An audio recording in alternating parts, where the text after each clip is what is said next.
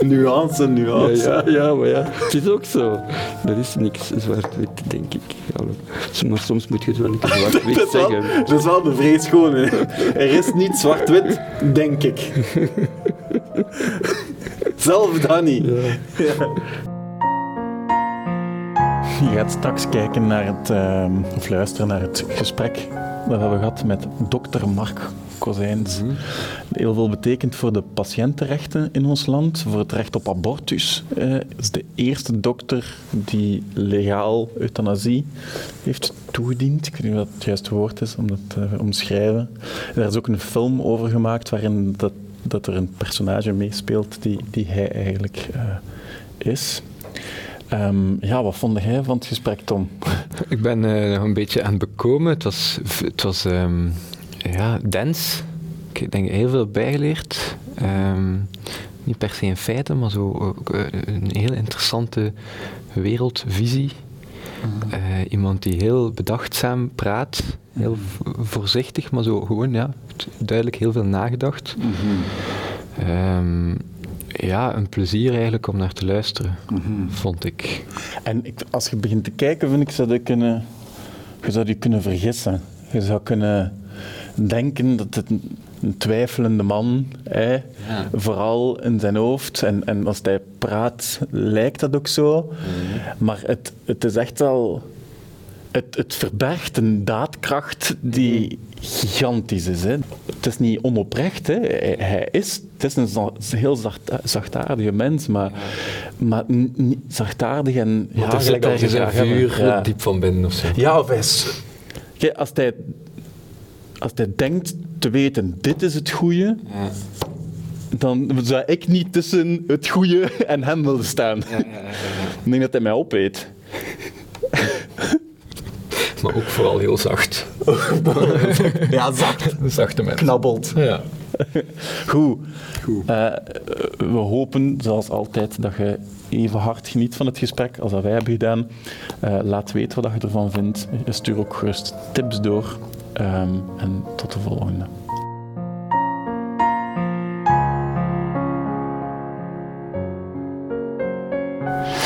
Ja, dat, dat, is, dat is het eh, moeilijke, maar ook uitdagende, denk ik, van eh, in, in, in, in stervensbegeleiding, als ik het nu zo op, op deze, onder die noemer mag eh, omschrijven. Om, die, om daar een plaats in te nemen. Hè? Van, eh, je weet dat je nodig bent als arts, nu spreek ik als arts, hè? Ehm, om het mogelijk te maken voor mensen. Dat het op een zo goed mogelijke manier gebeurt. En goed, daarmee bedoel ik van hoe zij dat dan als goed invullen. Hè? Want, eh, dat- dus daar, daar moet je proberen voelen, bespreken. Eh, je hebt mensen die daar heel open over kunnen spreken, maar je hebt ook mensen die dat echt niet kunnen. Dus dan, dan wordt het echt wel voelen. En dan ben ik degene die eh, ja, op veilige afstand dat eigenlijk ja, be- bekijkt, is een beetje een, misschien een raar woord, maar daar, daar bent. Waak misschien. Ja, waken is misschien een beter woord. Het bewaak, waken, bewaken van dat dat ook zo op die manier gebeurt. Hè. Dus, ehm, en als het nodig is om te interfereren, dat, dat het ook zo is. Hè. Ja. Ik vergelijk sterven altijd met, met bevallen. En ik spreek nu weer over de jaren 80 of eind 70, waarin dat men meer en meer weer de neiging had om eh, natuurlijk te bevallen, hè, van alles uit het ziekenhuis te halen, hè, omdat alles toen, toen heel technisch bekeken werd. Hè. En bevallen was echt een ziekte die, eh, die je moest ondergaan in, in een ziekenhuis. En het was de gynaecoloog die eigenlijk bevalde of beviel voor u of voor de vrouw. Hè. Dus ehm, toen was er echt een tendens om dat, om dat weer eh, aan, de, aan de mensen zelf terug te geven.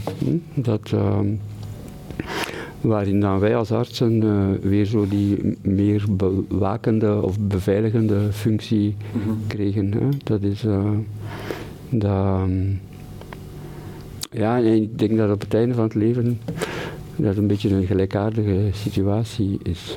Ik ben mensen zeer dankbaar dat ik dat mag doen ook. Van, eh, dat, om toch wel in die intimiteit uh, ergens aan, aanwezig te zijn en daar een, een, een, een, bepaalde functie te hebben die dan een stuk van mijn, van mijn professioneel leven is. Je beschrijft je rol ook heel dienend, hè? vind ik. Dienend? Ja. ja. We zijn er wel natuurlijk voor de patiënt. Hè? Ja. Dus uh, ja, dus, allee, ik vind dat... Als we zien waar, waar we komen, dat is dan ook weer de jaren 80, omdat allee, eind 70, 80 zijn, was er wel een belangrijke periode, denk ik, ook voor patiëntenrechten. Hè? Mm -hmm. uh, omdat alles beslist werd door de, de artsen mm -hmm. van enerzijds en dan anderzijds bij ons in België door de ziekenfondsen, omdat die de terugbetalingsmodaliteiten regelden. Ja. En ziekenfondsen natuurlijk in functie van overheid. Maar de, de patiënt over wie het, over wie het gaat, uh, die zat in die structuren niet. Hm? Mm -hmm. Dat is... Uh, en dat was waarschijnlijk allemaal met zeer goede bedoelingen, hè, maar, maar, wel zeer paternalistisch, namelijk van wij weten wel wat goed is voor de patiënt, terwijl dat men hè, toch wel... Is dat, ja, ja. Vind is dat niet zo? Maar ja, als, als, ik vind dat je dat als dokter, meer dan in een ander uh, beroep, kunnen dat lang volhouden. Ja, ja. ja, dat is waar. Ja. Nee, maar allee, zeker in, in, in, de maakbare wereld waarin dat wij nu leven en met al die mogelijkheden dat we hebben, is het wel belangrijk dat mensen daar zelf ook wel enige inspraak in hebben. Allee, en de belangrijkste inspraak in hebben. Hè. Uh, dat, en vooral van dat wij hen... dat wij hen zoveel mogelijk daar ook over informeren, van, zodanig dat zij ook die keuzes kunnen maken. Hè. Mm -hmm. En dan zijn wij vooral de facilitators om dat mogelijk te maken. En weer hetzelfde van als er moet ingegrepen worden vanuit een, een louter echt medisch uh, oogpunt, dat wij daar wel zijn om dat aan te doen. Hè. Dat, en dat het dan ook voor mensen nog altijd zo goed mogelijk moet zijn. Hè. Het, is, uh, uh, het is niet omdat je niet natuurlijk zou kunnen bevallen, iemand die waarvan je ziet, hier moet een keizersnede gebeuren, dan moeten wij er zijn van dat dat gebeurt, maar ook dan weer op een, zeer, op een zo goed mogelijke manier, zodat dat ook mensen die dan die keizersnede ervaren, van, uh, dat zij ook ervaren, oké, dit is ook wel een, een mooie herinnering geweest en een goed begin. Ik kan me aan de andere kant gewoon ook goed voorstellen dat je als dokter vindt dat die een patiënt eigenlijk zo in de weg zit. Hey. Snap je wat ik bedoel? Nee, dat snap ik echt Dat snapt hij echt niet. Hoe kan een patiënt u in de weg zitten? Ja, als je weet het gaat dat, over die patiënt. Als je weet wat er moet gebeuren, zeg maar. Ja, jong, alsjeblieft. Mm. Ik weet wat er moet gebeuren. ja. Doe nu eens mee. Ja, nee, dat is bijvoorbeeld iets van, uh, van uh, vaccinaties. Hè. Dat is ja. nu een hot item. Hè. Ja. Van, dat, daar zou je kunnen zeggen van, allee, hoe is dat nu mogelijk dat die mensen daar andere ideeën over hebben. Van, uh, laat u vaccineren. Ja, zwijg dus alstublieft. Ja, ja. ja. Nee, ik vind dat goed dat daar kritische stemmen blijven rond zijn. Ja. Oké, okay. waarom? Waarom? Omdat ook bij vaccinaties uh, er naast het louter medische en epidemiologische en de zorg die je hebt, ook altijd nog wel andere zaken in meespelen, namelijk het financiële van bedrijven die die vaccins willen op de markt brengen en zoveel mogelijk daar geld willen uithalen. Hè. Ik denk dat dat wel heel belangrijk is om daar toch nog altijd de nodige aandacht aan te geven. Omdat als je elke vaccinatiekritiek meteen wegzet, dat er heel veel mee wordt weggezet dat wel ja, valabel is. Ja. ja. ja. Want, allee, geneeskunde heeft natuurlijk wel iets betekend, maar toch nog altijd veel minder dan, dan we denken hoor. Want uh, ik denk dat het essentiële is van, uh, van hygiëne en mogelijkheid van mensen uit de armoede te halen. Dat is veel, veel belangrijker dan al hetgeen wat wij doen, denk ik. Ik ga een voorbeeld geven van in de tijd van Janssen Pharmaceutica en Imodium. Hè. Dat was een, een middel tegen uh, diarree. Mm -hmm. uh, dus men heeft toen ongelooflijke commerciële acties gedaan om dat in de ontwikkelingslanden, zoals we dat dus vroeger noemden, uh, dat product op de markt te brengen. Nee, want dat, dat was de oplossing voor diarree bij al die kinderen die natuurlijk wel diarree hadden omwille van het feit van dat ze niet de juiste voeding kregen of slecht water hadden, geen hygiëne hadden.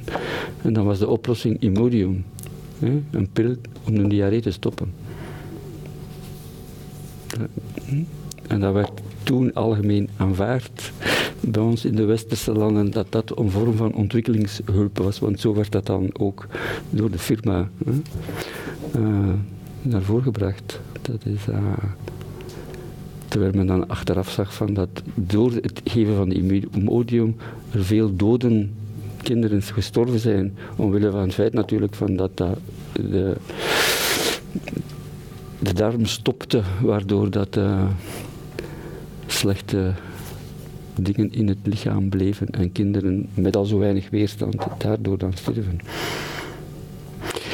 Ja, gelukkig is dat nu voor een groot stuk veranderd, maar allee, je kunt zo duizend voorbeelden geven. Uh, dat is uh, een van de grote voorbeelden is ook van de, de, de, voeding. In plaats van borstvoeding te propageren bij mensen, gaat men dan kunstmatige voeding geven, omdat men daar natuurlijk wel veel meer geld aan verdient.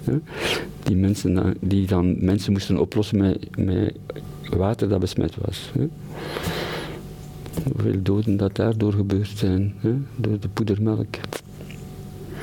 Maar daar wordt eigenlijk allemaal weinig of niks over gezegd. Hè? Dat is wel een stukje veranderd, denk ik, maar uh, dat gebeurt toch nog altijd veel te veel.